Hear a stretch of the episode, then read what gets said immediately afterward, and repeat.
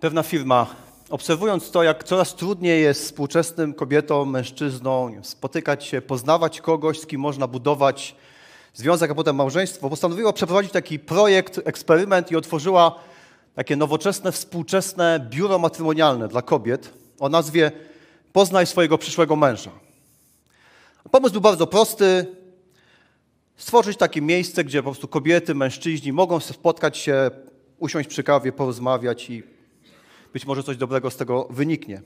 Oczywiście pomysł nie był jakiś specjalnie nowatorski, ale zaciekawienie u ludzi wzbudziły dość interesujące zasady funkcjonowania tego biura.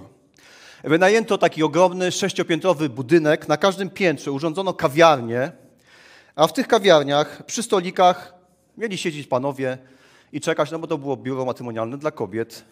Panie mogły przyjść, usiąść sobie przy jakimś stoliku, rozpocząć rozmowę, potem pójść do kolejnego i tak dalej, i tak dalej. Inną ciekawą zasadą było to, że w czasie tej wizyty, która mogła być tylko jedną wizytą w tym biurze, można było dokonać tylko wyboru jednego kandydata, który wydawał się być ciekawy. Oczywiście można było rozmawiać z wieloma, ale można było dokonać wyboru jednego.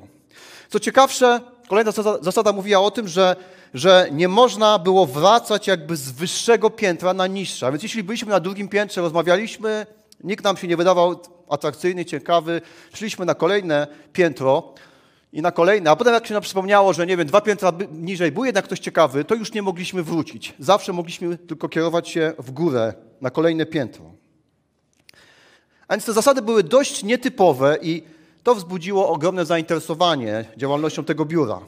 Pewna kobieta była jedną z odwiedzających, weszła do budynku, zarejestrowała się w systemie, zaprowadzono ją do windy, ona wjechała na pierwsze piętro, otworzyły się drzwi, ona zobaczyła taką ładną kawiarnię, przy stolikach siedzieli mężczyźni, a nad wejściem do kawiarni był taki napis: Ci mężczyźni mają pracę.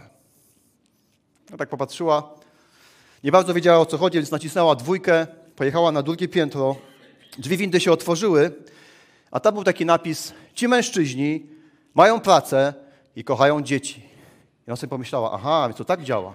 Im wyżej, to jakby te kandydatury, te predyspozycje mężczyzn są coraz bardziej ciekawe, a więc jadę dalej, piętro trzecie. A tam napis mówi: Ci mężczyźni mają pracę, kochają dzieci i są zabójczo przystojni. Ona myśli sobie, to się nieźle zapowiada. A więc naciska czwórkę. A tam informacja mówi, ci mężczyźni mają pracę, kochają dzieci, są zabójczo przystojni i pomagają w pracach domowych. On sobie myśli, to brzmi nieprawdopodobnie. Już prawie chce wysiąść, ale, ale coś jej każe kontynuować. Piętro piąte. Informacja mówi, ci mężczyźni mają pracę, kochają dzieci, są zabójczo przystojni, pomagają w pracach domowych i są niezwykle romantyczni. Kobieta myśli sobie, chyba czas wysiadać.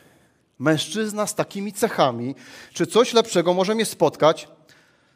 No ale gdzieś z tyłu głowy ma tą myśl, że jest jeszcze szóste piętro, że może nie warto rezygnować, a więc mimo, że chciałaby wysiąść, w końcu naciska szóstkę, wjeżdża na szóste piętro, drzwi się otwierają, ona wychodzi z windy i sama nie wie, czego się może spodziewać, jest pełna oczekiwań, a przed wejściem do windy stoi taka elektroniczna tablica, na której jest liczba 2 miliony 251 326. I ona tak się zastanawia, o co tu chodzi. A po chwili pojawia się informacja, w ciągu ostatniego miesiąca tyle kobiet łącznie z tobą odwiedziło szóste piętro. Na tym piętrze nie spotkasz żadnego mężczyzny. To piętro istnieje wyłącznie jako dowód, że kobiety tak do końca nigdy nie są w pełni zadowolone. Ja wiedziałem tak troszkę ryzykownie, co się zaczęło i nawet nawet myślałem, żeby poprosić żonę o cenzurę, ale mówię, dobrze, pojedziemy po bandzie, ale tak naprawdę, kochani, drodzy, drogie panie, drodzy panowie, kiedy myślimy o małżeństwie, kiedy, kiedy stajemy się mężem i żoną, to wszyscy bez wyjątku, w stu procentach, i kobiety, i w stu procentach mężczyzny, wszyscy mamy ogromne oczekiwania wobec tego małżeństwa.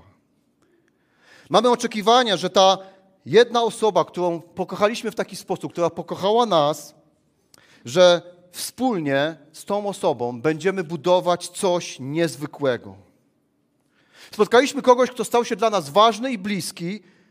Swoją obecnością sprawił, że, że życie jakby nabrało nowych barw, że życie jakby na nowo odkryliśmy. I oczekujemy, że ta niezwykła bliskość, ta jedność, która nas połączyła, ona będzie nam zawsze towarzyszyć.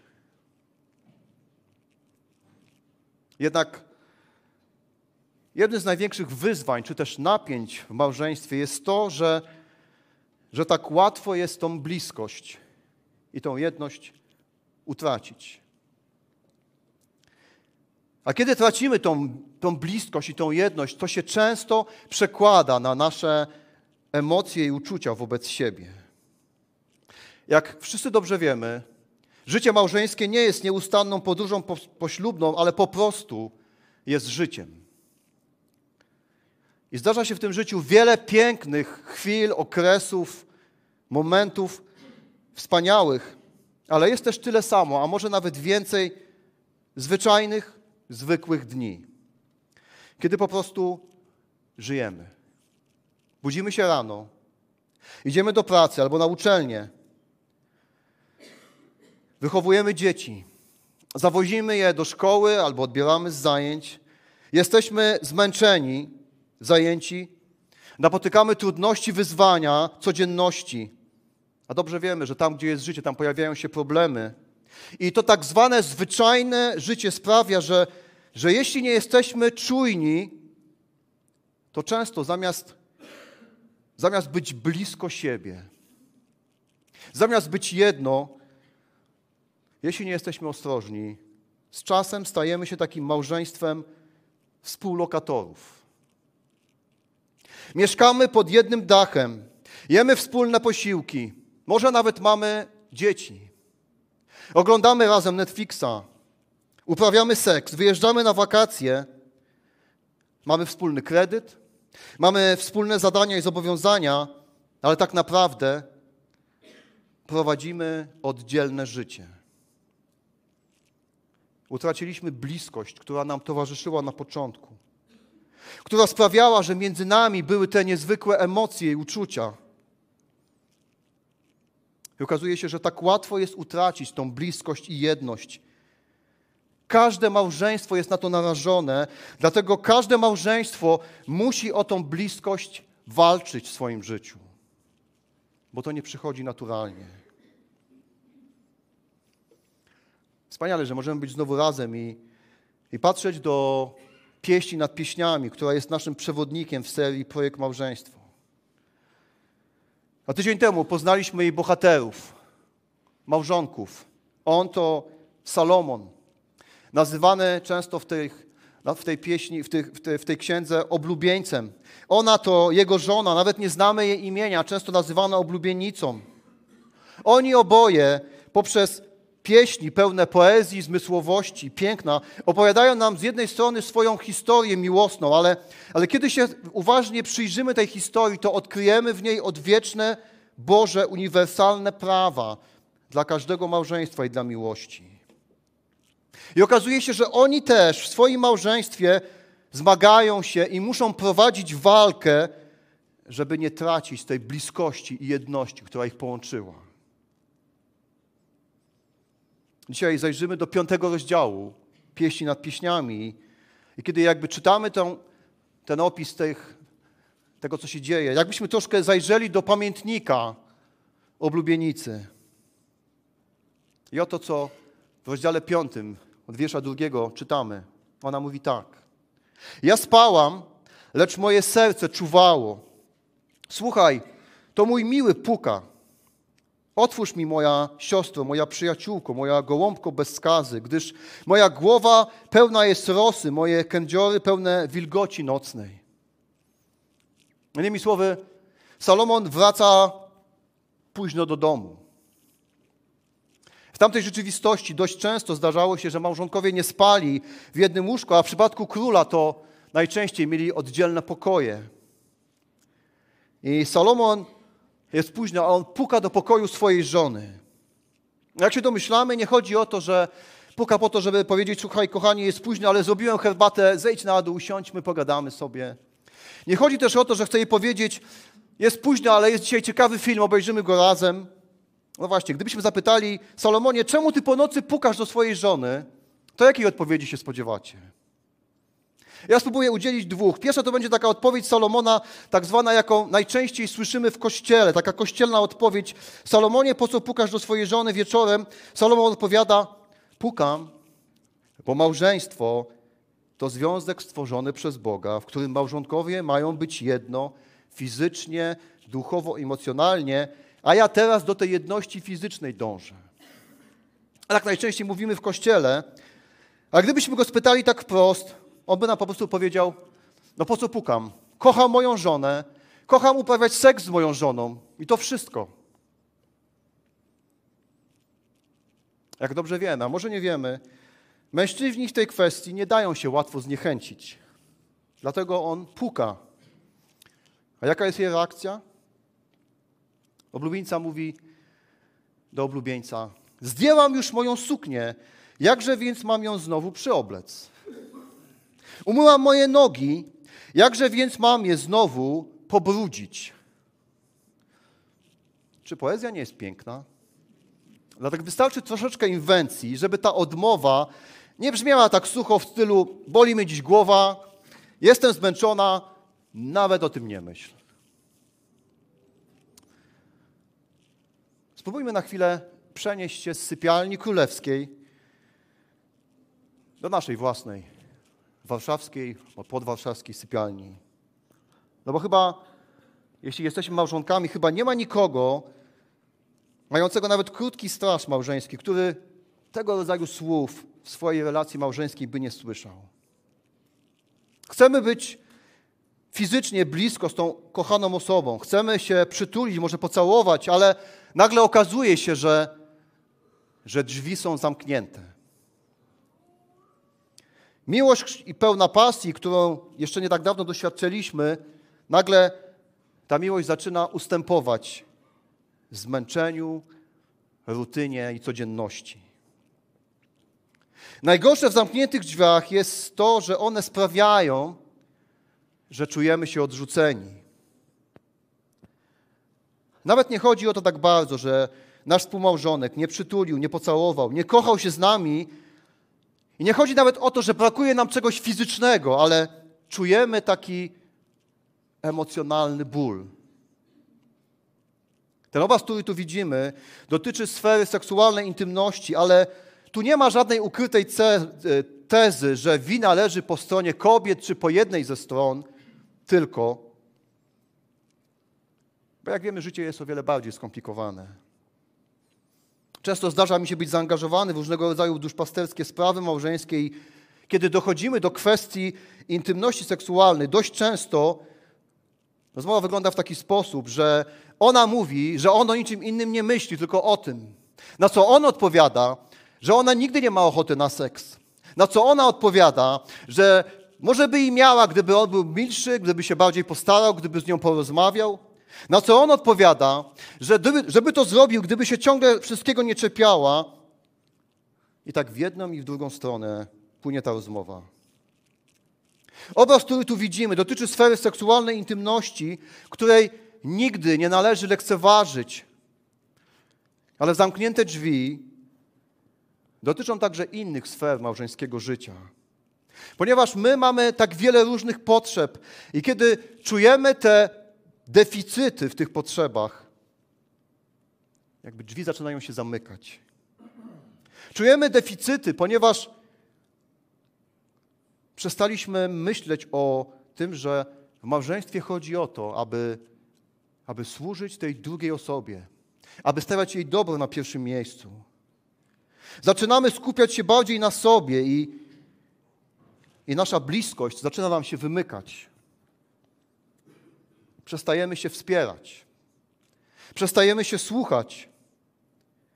Nie potrafimy się porozumieć na przykład w kwestii finansów. To jest jeden z głównych powodów, wcale nie seks, ale ludzie nie mogą się dogadać w kwestiach finansowych. Jeden z głównych powodów rozwodzenia się. Przestajemy porozumiewać się i dogadywać się w kwestii dzielenia domowych obowiązków czy wychowania dzieci. Zaczynamy mijać się. Zaczynamy nie dotykać pewnych tematów. Unikamy jakiejś głębszej rozmowy i coraz bardziej i mocniej odczuwamy, że drzwi do naszego współmałżonka są zamknięte. A może czasem nawet po prostu zostały nam zatrzaśnięte przed nosem. Codzienne drobne rzeczy, ignorowane, zaniedbywane przez lata, sprawiają, że coraz trudniej otworzyć drzwi, a czasem wydaje się, jakby ktoś te drzwi kompletnie zamurował. Ślubowaliśmy sobie miłość jedność, a okazuje się, że chociaż żyjemy pod jednym adresem, właściwie żyjemy oddzielnie.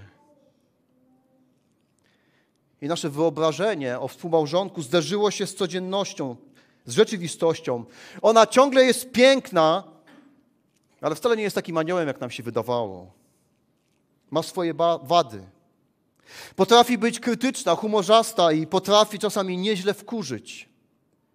On ciągle jest taki męski, zdecydowany, ale przydałoby mu się trochę wrażliwości i wyrozumiałości. I nagle znowu dociera do nas, że, że wszyscy jesteśmy grzesznikami. A jeśli jesteśmy szczerzy przed Bogiem i sobą samym, to, to nasza własna grzeszność staje się jeszcze bardziej ewidentna i, i zaczyna nam to skwierać. Dalej oblubienica mówi, mój miły wsunął rękę przez otwór, a wtedy zadrżały moje wnętrzności. Wstałam, aby otworzyć mojemu miłemu, a z moich rąk kapała mira, z moich palców ciekła mira na rękojeść zasuwy. Salomon nadal puka, nie daje się zniechęcić, ale w końcu, w końcu dociera do niego, że, że dzisiaj drzwi nie zostaną otwarte. I odchodzi. Ona, nie wiedząc, co się dzieje, postanawia jednak otworzyć drzwi. Postanawia odpowiedzieć na tą jego potrzebę.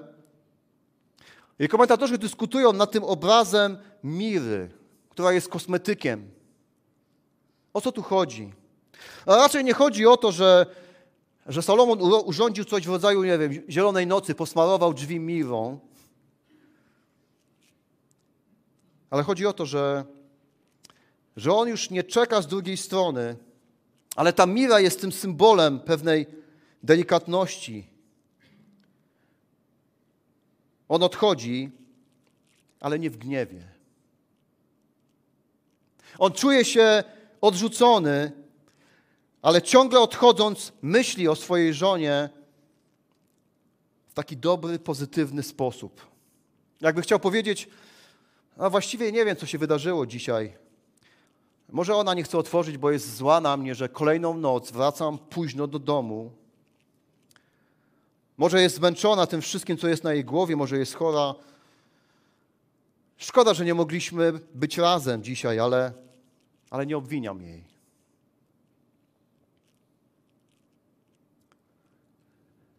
Walcząc o bliskość w swoim małżeństwie, zakładaj to, co najlepsze wobec swojego współmałżonka.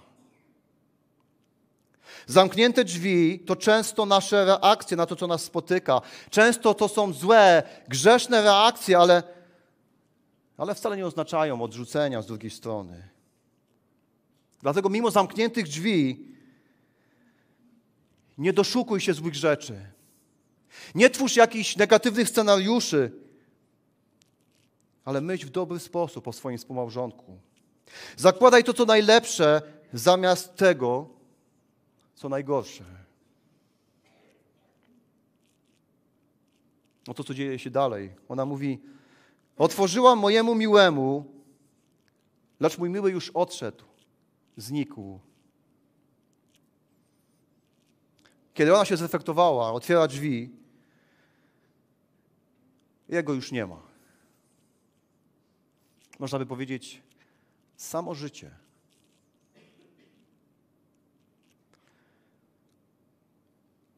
takim momencie wiele małżeństw zatrzymuje się.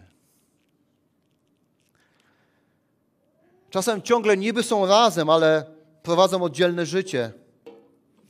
Niestety czasami bywa jeszcze gorzej. Są już tak daleko od siebie, drzwi są już tak mocno zamknięte, że w końcu coś się przelewa. Jeśli nie oboje, to jedna strona ma dość nie ma już siły być zaniedbywanym, wykorzystywanym, niezauważanym, poniżanym, oszukiwanym. I wtedy jedno z nich pakuje walizki, wraca do siebie, albo do rodziców, albo do przyjaciół. Jedno z nich zwraca się do sądu, żeby sąd rozdzielił to, co Bóg złączył. Z naszej perspektywy rozwód wydaje się być uzasadniony, ale z Bożej perspektywy rozwód zawsze jest nieszczęściem i tragedią. Ponieważ rozwód ma to do siebie, że masakruje wszystko, co spotyka na swojej drodze. Wszyscy tracą. Małżonkowie, jeśli są dzieci, to dzieci, przyjaciele, rodzina i Kościół. Z powodu tego niszczącego działania rozwodu, Bóg mówi w swoim słowie: Ja nienawidzę rozwodów. I zaleca nam, żebyśmy, żebyśmy tak łatwo nie rezygnowali, ale zawsze walczyli o swoje małżeństwo, żebyśmy walczyli o małżeństwo innych, żebyśmy dbali, żebyśmy dali Jemu szansę na ratowanie nas, żebyśmy traktowali małżeństwo jako święte i żebyśmy ze wszystkich sił je wspierali. Oblubieniec i oblubienica znaleźli się w sytuacji, w której znajduje się wiele małżeństw i zatrzymuje się. No co można zrobić w tej sytuacji? On pukał do drzwi, ona nie chciała otworzyć, potem otworzyła, jego już nie było. Kto tu ma rację? To wszystko brzmi tak banalnie, ale właśnie takie banalne rzeczy dzieją się w naszych małżeństwach, w naszym życiu. I może powiedzieć, no sam jest sobie winien. Po co jest taki niecierpliwy? No dobrze, zobaczmy, co przydarzy się jutro, co przyniesie dzień jutrzejszy, ale ona tego nie robi. Co robi? Czytamy. Byłam zrozpaczona, że odszedł. Szukałam go, lecz nie znalazłam. Wołałam go, lecz mi, nie ode, lecz mi, się, lecz mi się nie odezwał. Oblubienica nie czeka na to, że to się jakoś wyjaśni, że może on się zreflektuje, a w sumie to może powinien ale te, zamiast tego zaczyna go wołać i szukać. Walcząc o bliskość w swoim małżeństwie, podejmuj inicjatywę zamiast czekać. Czekanie i bierność jest złą reakcją. Im dłużej czekasz, im dłużej zwlekasz, ignorujesz, ukrywasz, że coś jest nie tak, tym bardziej się oddalasz od swojego współmałżonka. Ona dalej mówi, spotkali mnie strażnicy, którzy obchodzą miasto, pobili mnie, zranili mnie, zdarli ze mnie mój płaszcz strzegący murów. Ona mówi o tym, jak, jak bolesne to jest doświadczenie, jak wielki jest dyskomfort tej sytuacji, ale mimo tego wszystkiego ona jest świadoma, że, że gra tu się toczy o ważną sprawę. Nie o to, jak się ona czuje i nawet nie o to, kto tu ma rację, ale tutaj się gra toczy o my, a w małżeństwie my zawsze jest ważniejsze niż ja.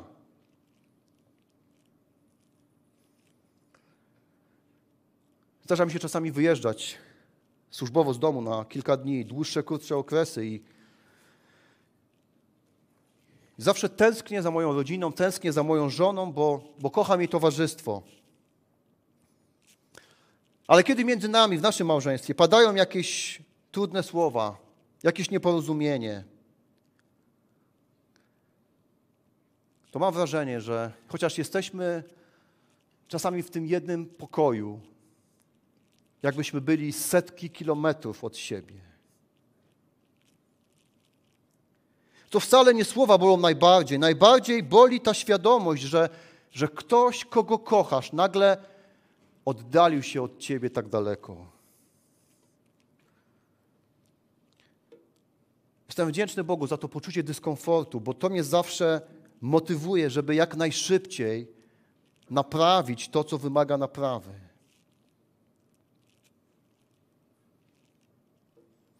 Zamiast czekać, podejmuj inicjatywę. Zamiast leczyć, zamiast zapobiegać, zamiast leczyć, lepiej zapobiegać. Takie małe lokowanie produktu. Za tydzień mamy konferencję dla małżeństw. Ja rozumiem, że wszystkie małżeństwa, jak obecne na sali, wybierają się, bo przecież nawet jeśli dzisiaj jest wspaniale i dobrze między nami, to, to nie wiemy, co się przydarzy, że za rok, za dwa. Rozumiemy to, że lepiej jest zapobiegać, lepiej jest się karmić Bożym Słowem i Bożą ideą małżeństwa, niż potem leczyć. Okazuje się jednak, że czasami nasza inicjatywa nie wystarczy. I oblubienica robi kolejny krok. I mówi: Zaklinam was, córki jeruzalemskie, gdy spotkacie mojego miłego, czy wiecie, co macie powiedzieć? Że jestem chora z miłości. Ona robi coś, na co wiele współczesnych małżeństw dzisiaj nie jest gotowych. Nigdy nie jest w stanie się zdobyć. Ona prosi o pomoc. Prosi o pomoc swojej przyjaciółki. Gdzie chyba nie ma najbardziej frustrującej sytuacji w duszpasterstwie, kiedy, kiedy siadasz z drugim człowiekiem, a on ci opowiada swoją historię i mówi ci o tym, że jego małżeństwo się właśnie rozpada, że już nic nie da się zrobić, że za chwilę to, co Bóg złączył, sąd rozdzieli. I kiedy próbujesz to wszystko zrozumieć, jak do tego doszło, jak próbowali sobie z tym poradzić, często okazuje się, że, że nie szukali żadnej pomocy. Mieli nadzieję, że jakoś sobie z tym poradzą. Albo nawet zdobyli się na to, żeby gdzieś pójść, z kimś rozmawiać, ale zabrakło tych osób trzecich, przed którymi mogą być odpowiedzialni. I chociaż gdzieś chodzili, to w sumie nigdy nie udało się tego zastosować w ich życiu. Gdzie mija czas, a ja ciągle nie mogę zrozumieć tego, co sprawia, że my ukrywamy nasze małżeńskie zmagania. Nie mogę tego rozgryć. A mam już prawie 50 lat. Co to jest? Czy chodzi o naszą pychę? Wstyd? Strach, że ktoś zmieni zdanie na nasz temat, stracimy na wizerunku? Obawa, że nikt nas na całym świecie nie jest w stanie zrozumieć?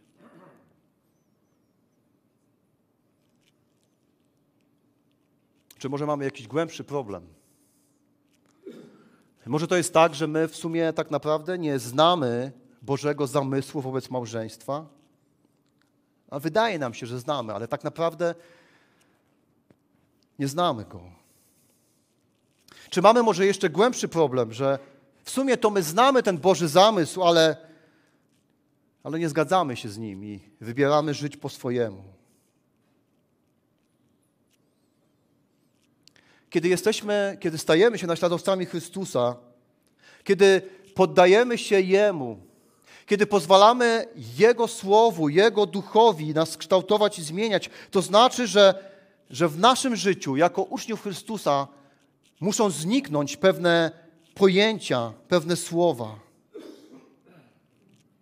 W naszym małżeńskim słowniku, moim i mojej żony, na samym początku, wiecie, wycięliśmy z tego słownika kilka słów, które przestały dla nas istnieć. I już nie istnieją dla nas takie słowa jak rozwód, ciche dni. Nigdy ci tego nie wybaczę. Jak ty mi, tak ja tobie.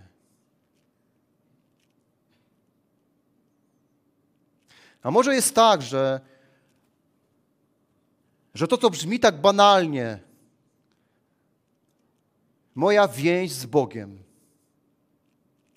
To brzmi tak banalnie, ale może jest tak, że ta moja więź z Bogiem jest tak intensywna w moim życiu, jak intensywne jest życie na Marsie. I to dlatego nie mam motywacji, siły, ochoty, żeby walczyć o małżeństwo, żeby ono było świadectwem dobroci, wielkości Boga.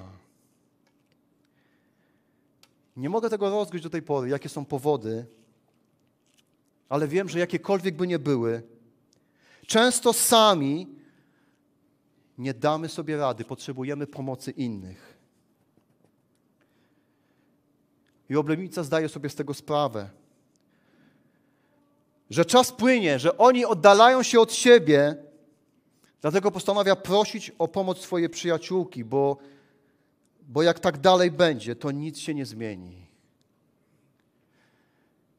I ta reakcja przyjaciółek jest bardzo ciekawa. One mówią do niej, czym góruje Twój miły nad innymi miłymi najpiękniejsza między kobietami? Czym góruje Twój miły nad innymi miłymi, że nas tak zaklinasz? A przyjaciółki rozumieją, że najlepsza pomoc w tej sytuacji to będzie taka, że one po prostu go odciągną od niego. Po co ona się ma tak męczyć? Ej, nie bądź głupia.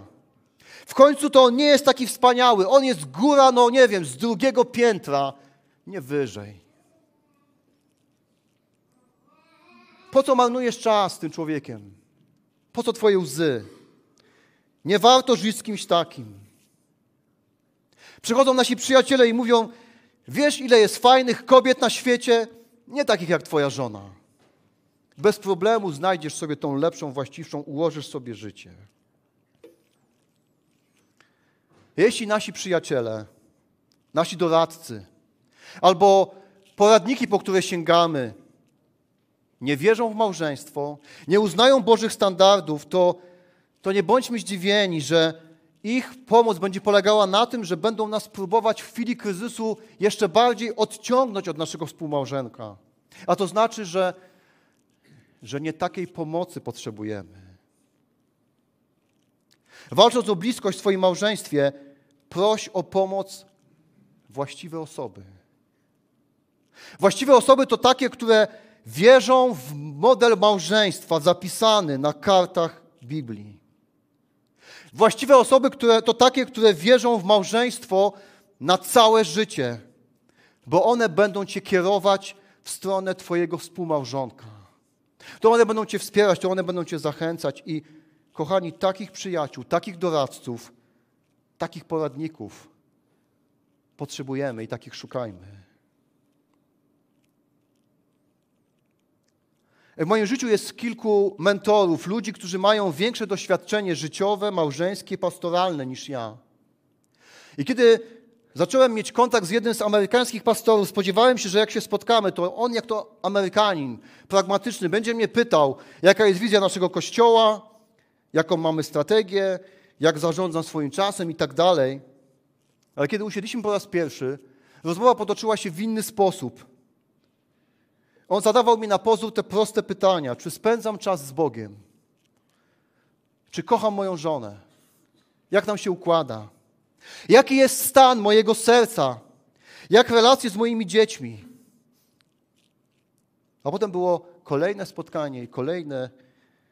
Aż w końcu zapytałem go, Bill, czemu ty zawsze pytasz mnie o to samo? O żonę i dzieci? A on powiedział mi, bo wiesz, tylko to się liczy. Reszta, co robisz, zależy od tego.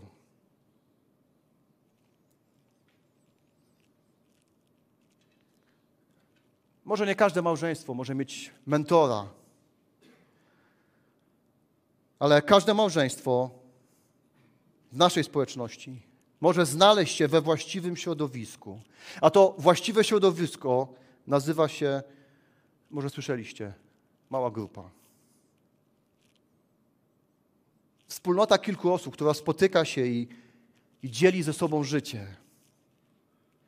Trzyma się Bożego Słowa, poznaje je, poddaje się Duchowi Świętemu i nie udaje, że wszystko idzie zawsze wspaniale, bo jak wiemy, nigdy tak nie jest.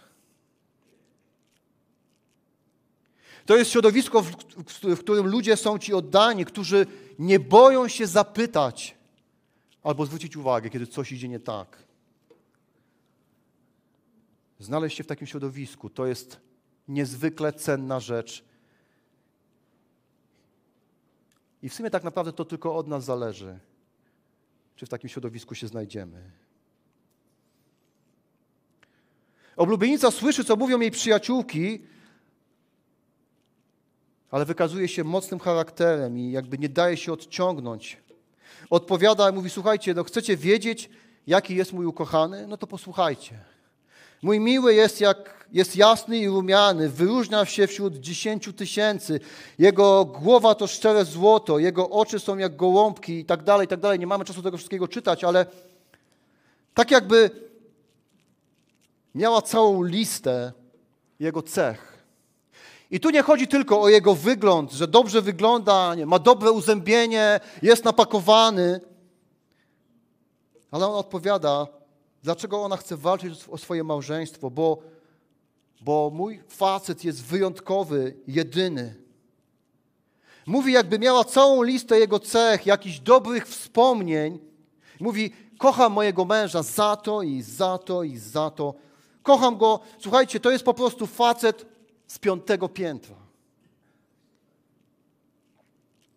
I kiedy one to słyszą, mówią, a to przepraszamy, nie wiedziałyśmy. Mówią, dokąd poszedł Twój miły, najpiękniejsza między kobietami, dokąd zwrócił się Twój miły, powiedz, a będziemy go szukały wraz z Tobą.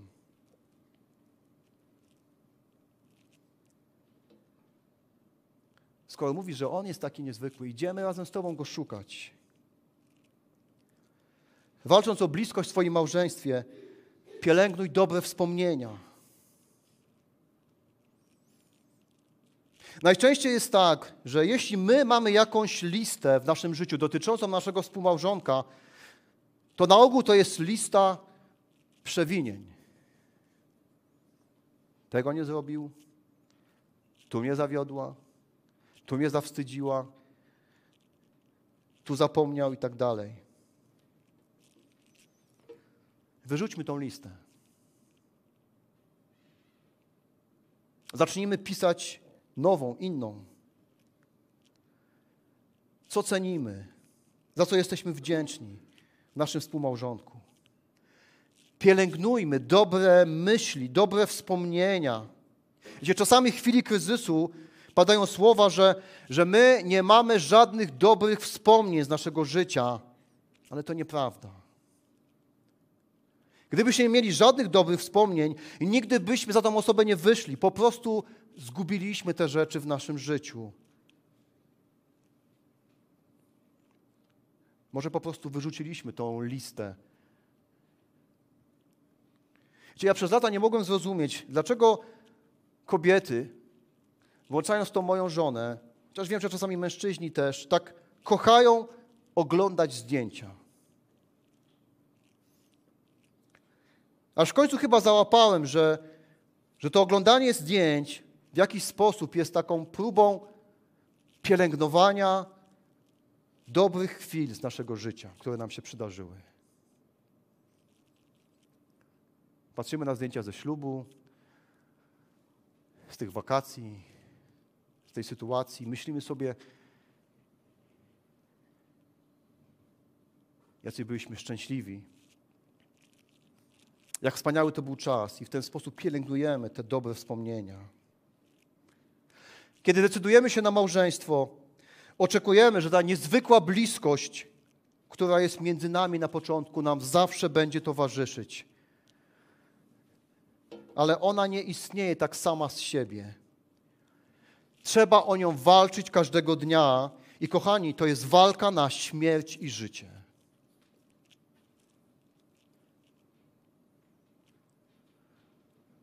I dlatego tak ważne w naszym małżeństwie jest to, żeby wspólnie podążać za Bogiem. Bo nam wystarcza chwil, jedynie, sił jedynie na chwilę. Ale z Nim. Z Nim wszystko jest możliwe.